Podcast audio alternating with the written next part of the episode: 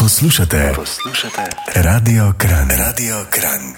Radio Kran poslušate, Anja Stare sem v vaši družbi in v današnji oddaji se bomo pogovarjali o transplantaciji in presaditvi organov. V Sloveniji je zato pristojna služba Zavod Slovenija Transplant, ki deluje v Ljubljani. Z nami je direktor zavoda Andrej Gadžijev. Lepo pozdravljeni. Lepo zdrav tudi vam. Kakšna je pravzaprav zgodovina vašega zavoda, kako se je vse skupaj pravzaprav začelo? Še pred ustanovitvijo našega zavoda se je nekaj transplantacij odvijalo že v poznih 60-ih oziroma zgodnjih 70-ih letih. Še predtem pa, če govorimo o sami transplantacijski dejavnosti, transplantacijo roženice, ki je bila izvedena že zgodnega 1952. leta. Konec 60-ih eh, let oziroma konkretno leta 1969 je pod vodstvom profesora dr. Mateja Bohinc bil ustanovljen laboratorij za tkivno skladnost pri Zavodu za transfuzijsko medicino, ki je bil predpogoj za to, da so se lahko transplantacije organov sploh začele. Takoj zatem pa je bila že uspešno izvedena prva transplantacija in sicer leta 1970 in to ledvica od živega darovalca. V naslednjih 15 letih, dokler nismo dobili prvega zakona, o e, transplantacijski dejavnosti so se izvajale posamične transplantacije ledvic od živih darovalcev, potem pa po sprejetju tega zakona, kasneje prva autologna presaditev kostnega mozga, ki je bila upravljena leta 1989, pa potem prva presaditev trebušne slinovke leta 1990 in takoj zatem tudi presajeno srce istega leta.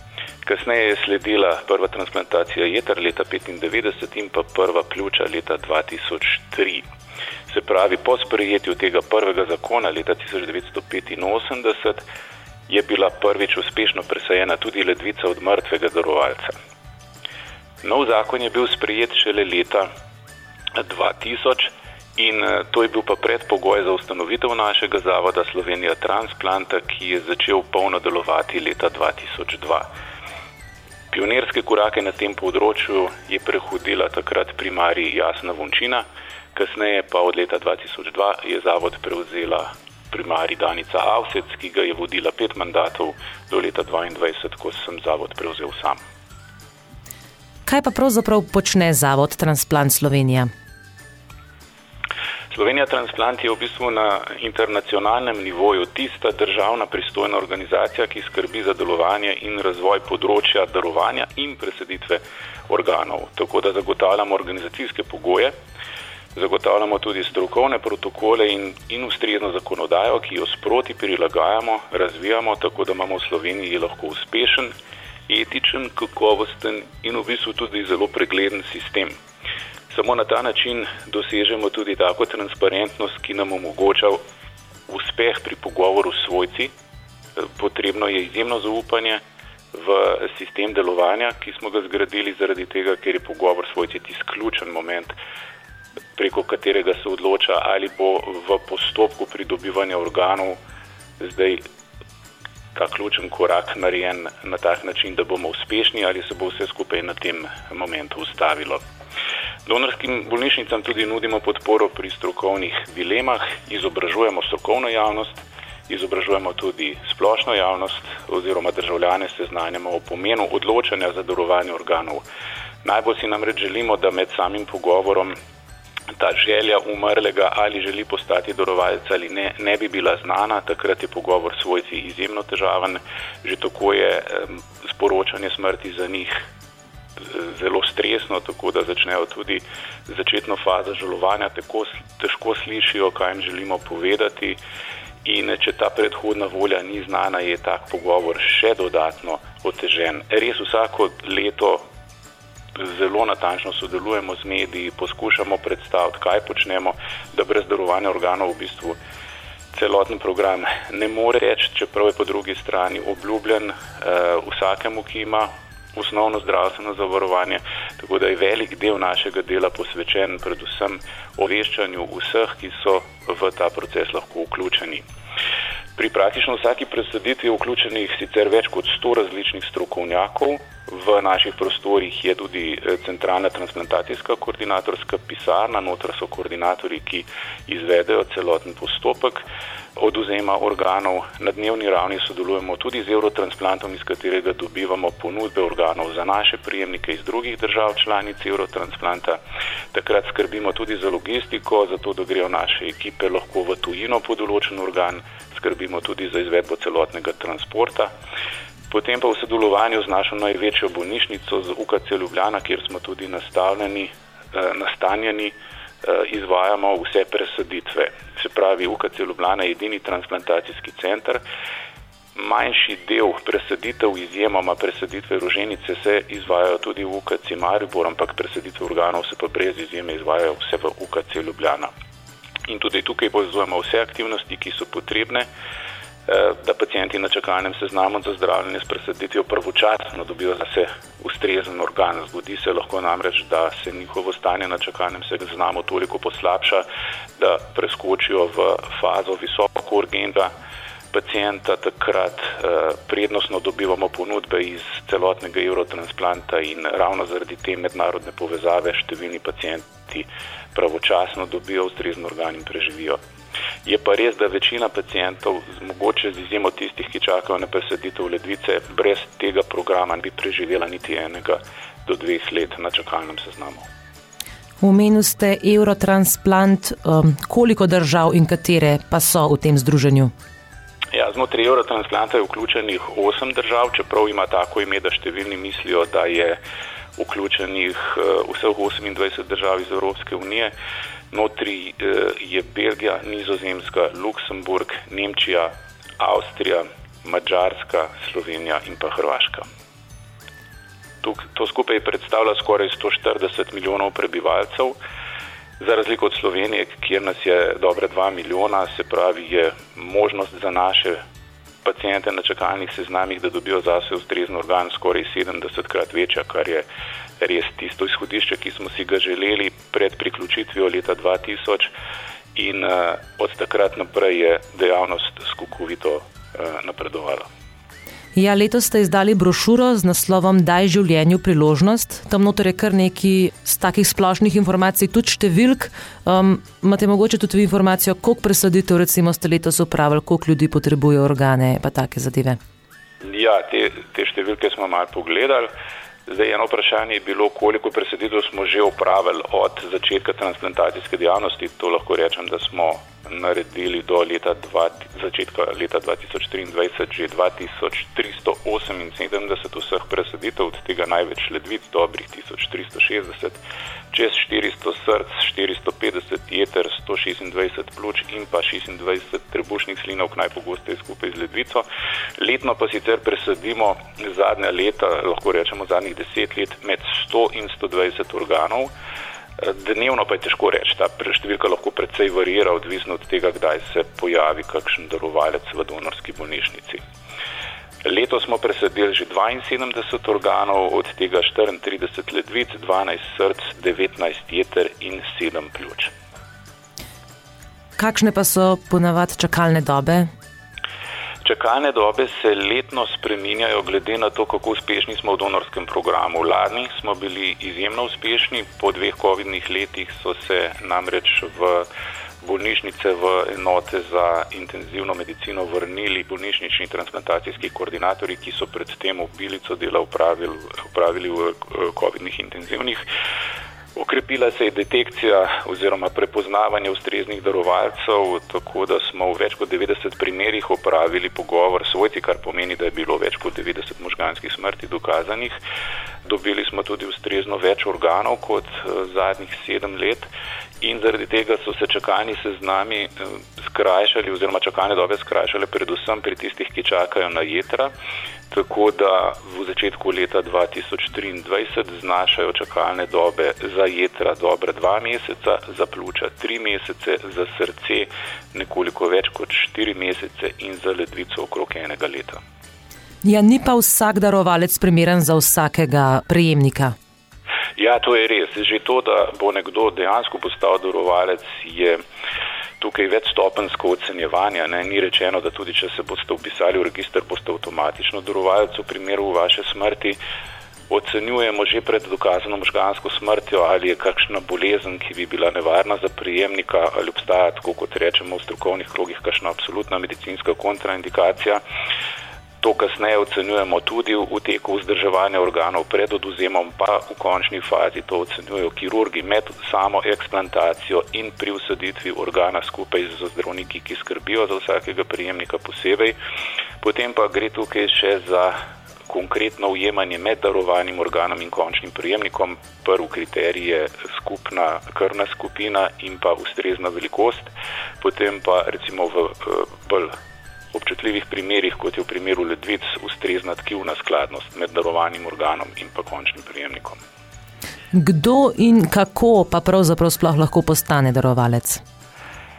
Ja, tukaj imamo v bistvu dve izhodišči. Darovalec kot sam po sebi lahko postane kdorkoli, v bistvu od eh, novorojenega otroka, če je ustrezne gestacijske starosti, se pravi od 38. tedna donošenosti, pa v bistvu starostniki tudi po 90.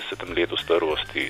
Če bodo poslušalci malo poiskali po medmrežju, bodo našli podatek, da je bila, mislim, da uspešno presajena, da so bila uspešno presajena jedra tudi od 93 let starega dorovalca. Zdaj, kako se pa lahko postane dorovalec, se pa lahko opredeli za darovanje po smrti vsak, ki je starejši oziroma ki je dopolnil 15 let starosti, če je upravilnostno sposoben.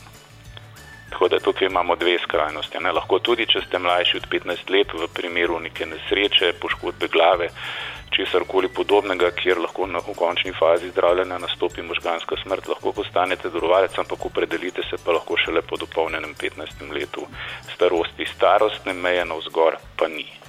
Je pa treba povedati, da ločimo namreč darovanje po smrti in pa darovanje za časa življenja. Katere organe torej lahko darujemo za časa življenja? Za časa življenja se v Sloveniji daruje samo ledvico.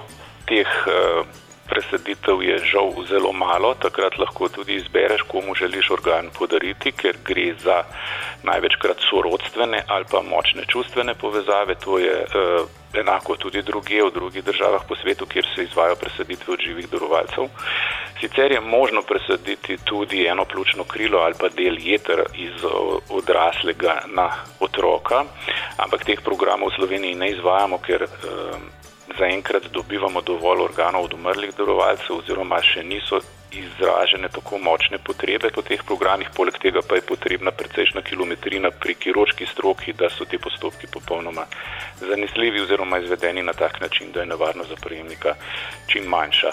Postopek darovanja od živega darovalca je eh, precej drugačen kot od umrlega, tudi ta, ki daruje, postane za krajši čas pacijent, njegovo uh, zdravje je vsaj med postopki lahko nekoliko ogroženo, tako da je potrebnih več korakov, zato da um, se celoten akt darovanja izvede. Tukaj je tudi ocena etične komisije, večkratno preverjanje, zakaj in na kakšen način želi nekdo postati živi darovalec.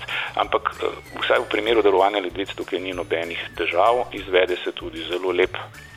Operativni postopek preko laparoskopske tehnike, tako da so tudi brzgotine pri uh, prejemniku izjemno mehne, enako tudi pri darovalcu in tista dva postopka, ki jih izvedemo letno, ponavadi brez vsakih zapletov potekata. Po drugi strani pa dejansko je tudi ledvica darovana od živega darovalca, organ, ki dalj preživi v prejemniku. Nasplošno skoraj 5 do 10 let dalj časa, kot pa pri tistih, ki dobijo ledvico od umrlega darovalca. Pri darovanju po smrti pa uspešno presajamo srce, pljuča, jedra, ledvici in pa trebušno slinovko. No, predvidevam, da mora ta postopek se hitro zgoditi, se pravi od darovalca do prejemnika, da mora to biti kratko časovno obdobje. Eh, koliko časa zdrži recimo organ brez gostitelja? Ja, um, koliko časa preživi organ lahko zunaj telesa, preden je uspešno presejen v prejemnika? Ja, tukaj imamo različne občutljive organe. Najbolj občutljivo je srce, ki zdrži nekje dobre 4 ure. pri postopkih shranjevanja in transportiranja, kakršnega uporablja večina držav. Na tem področju se sicer že razvija kar eh, nekaj novitet. Mm, številne bolj bogate oziroma finančno sposobnejše države imajo vsaj eno od naprav, na katere se lahko po odstranitvi izdarovalca tak organ priključi, recimo tudi srce, eh, se ga priključi na posebno, mi rečemo temu perfuzijsko mašino, ker skozi organ teče posebna tekočina, ki ga vzdržuje. Pri lahko rečemo življenju oziroma ohranja njegovo funkcijo srce na taki mašini tudi utripa, normalno kot da bi bilo v telesu, da se tak organ še celo prekondicionirati, kot rečemo strokovno, njegovo funkcijo se da posebnimi hranili in spremljanjem njegovega delovanja optimizirati, tako da pred presaditvijo v prejemnika deluje celo boljše kot pa v darovalcu pred uh, samim oduzemom.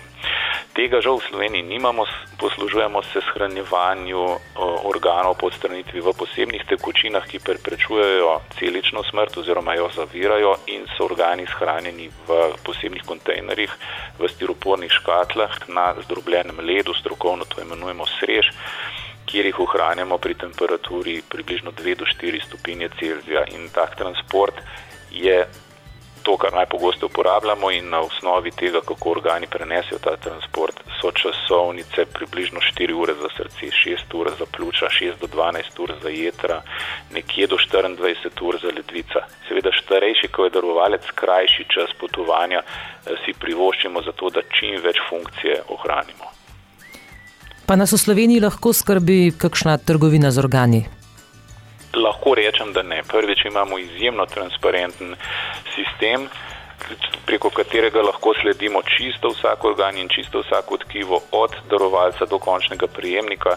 Vse korake sledimo, takoj lahko zaznamo, gre lahko kaj narobe.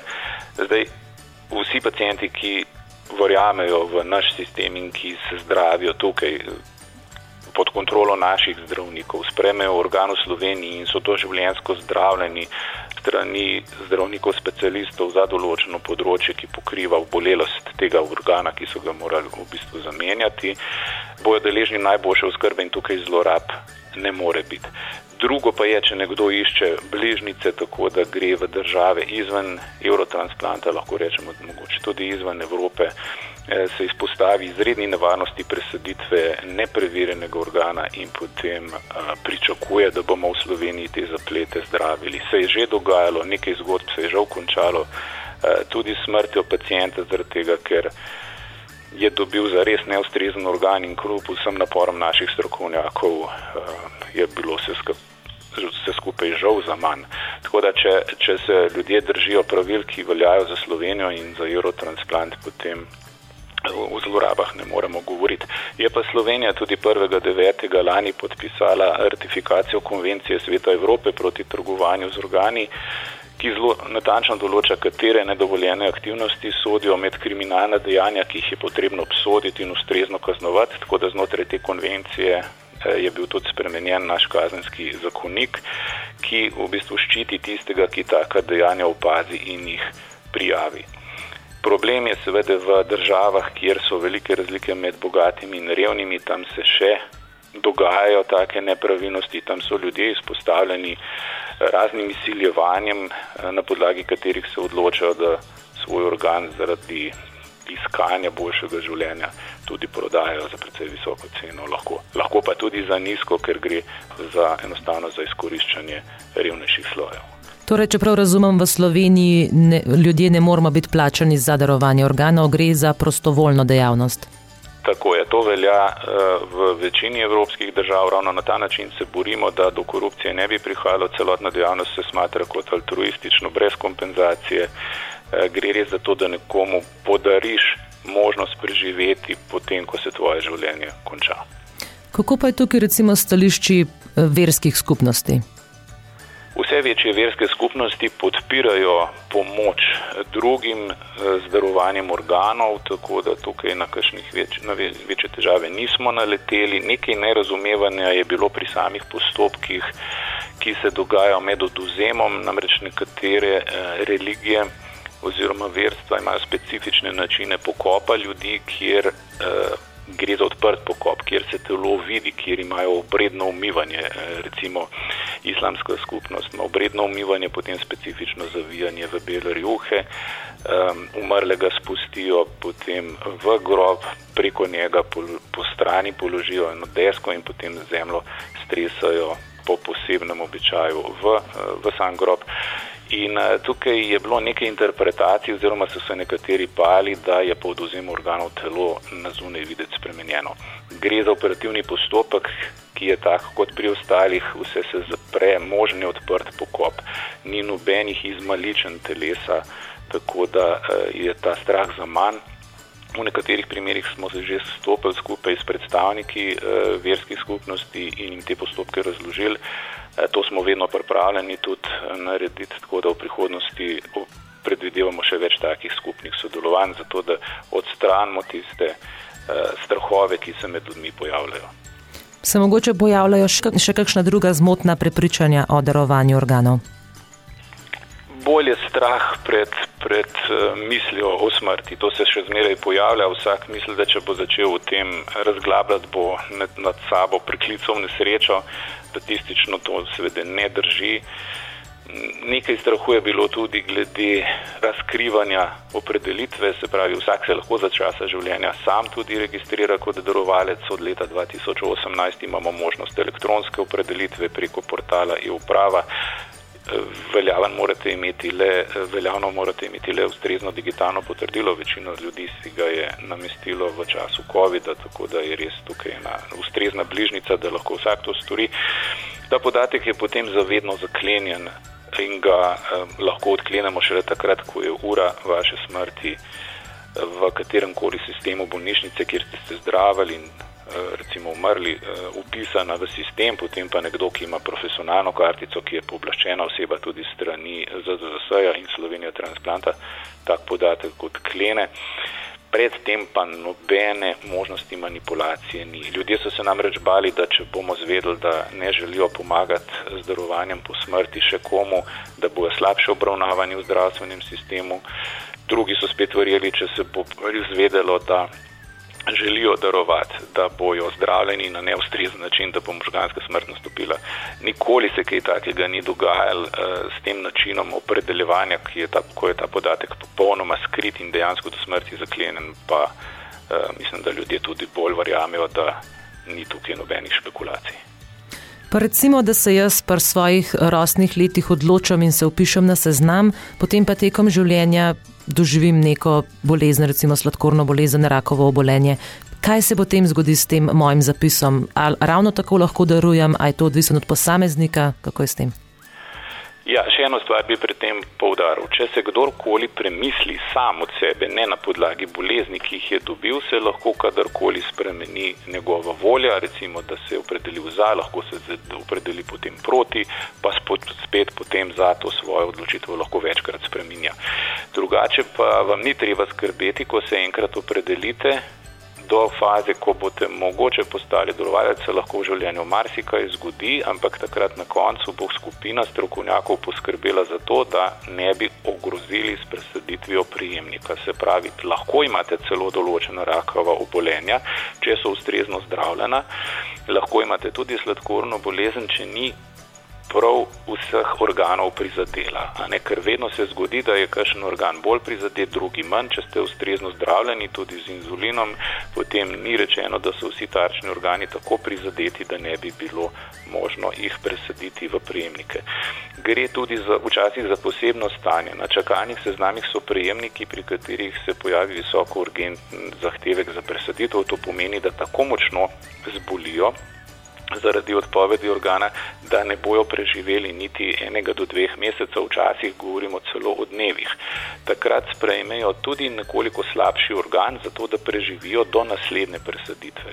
Se pravi, sprejmemo tudi precej neoptimalnih organov, zato da ljudem omogočimo, da ne umrejo, ampak preživijo do naslednje bolj ustrezne transplantacije. Tako da ne izključujemo ničesar, dokler tega ne oceni skupina strokovnjakov in še to v skladu z zadnjimi smernicami, ki veljajo za vse evropske države skupaj, ki se pa posodabljajo tudi na dve leti.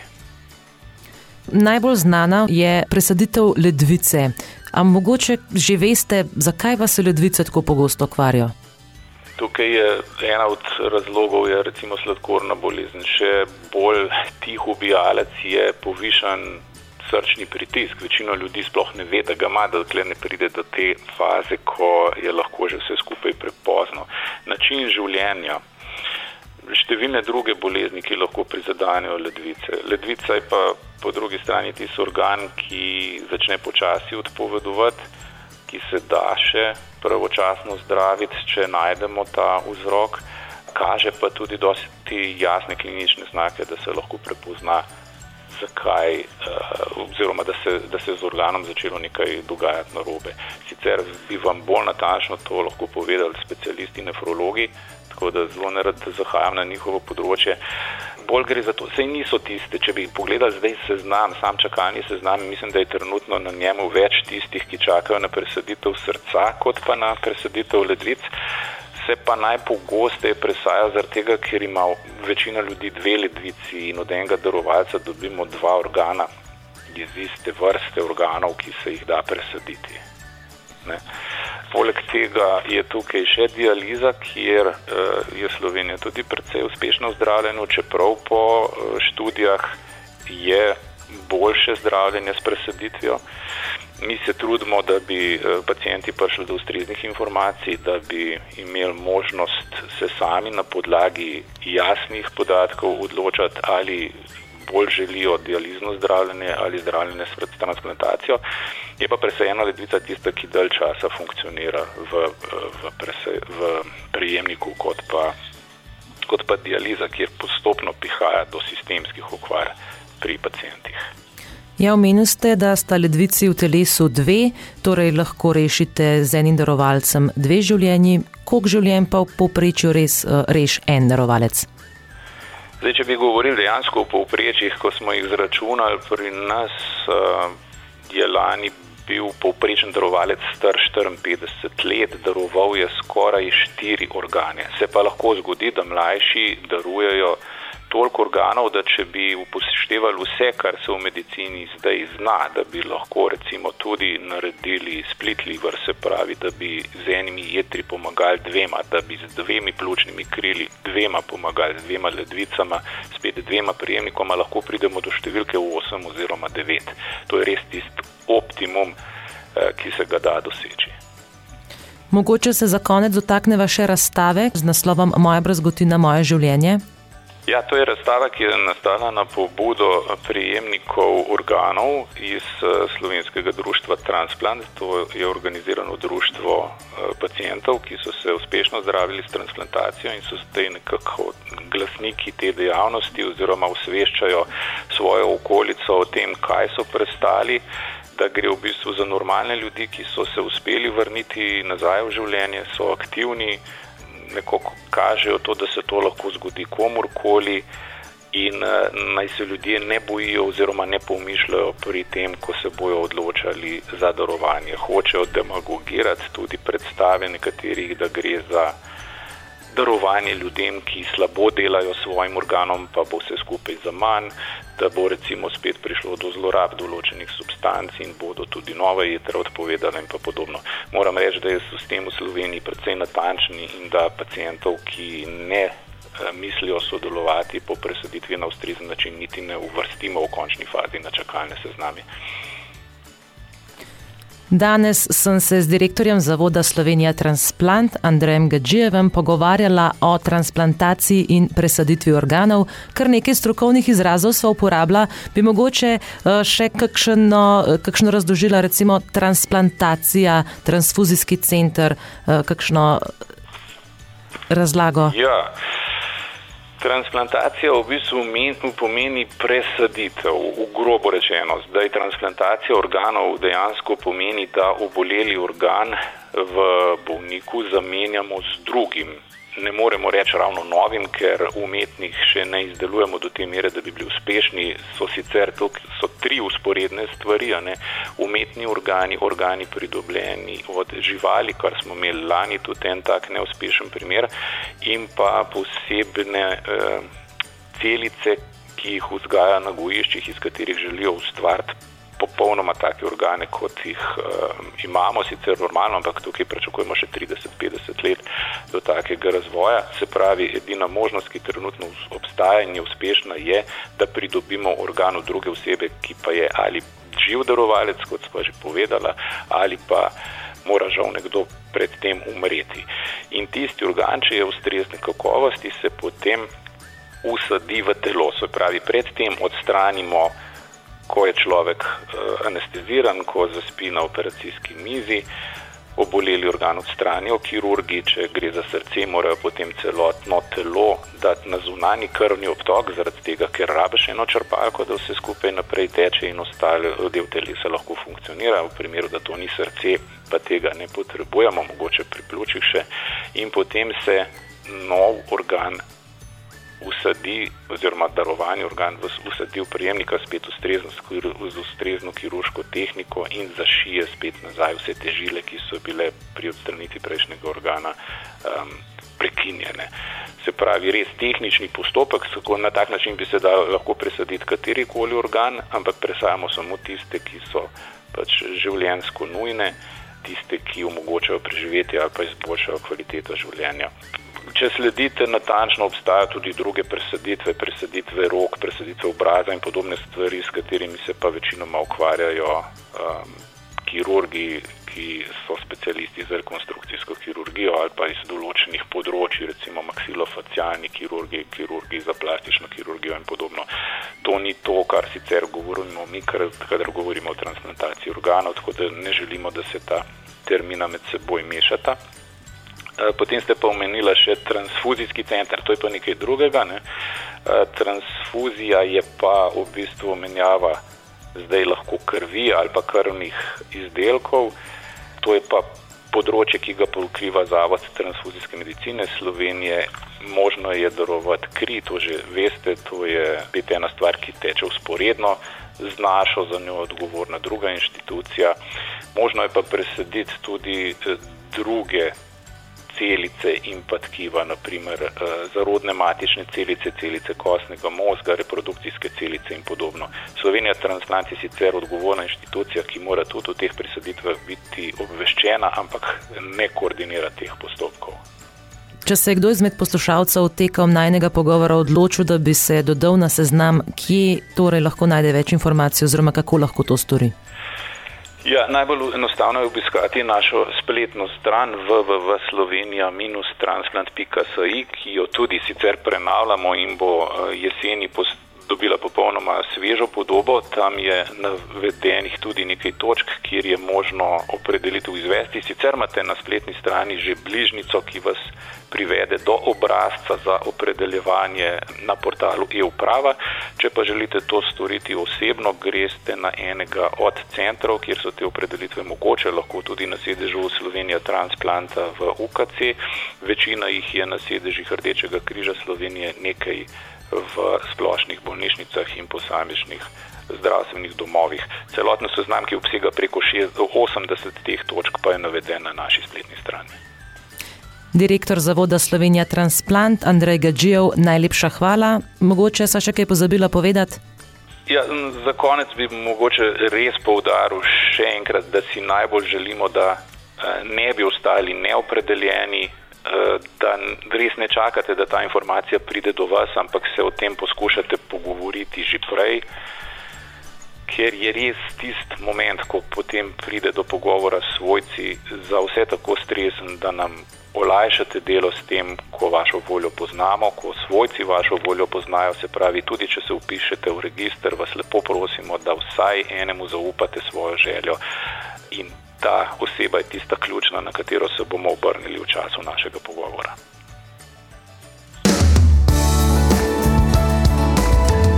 Radio Kran.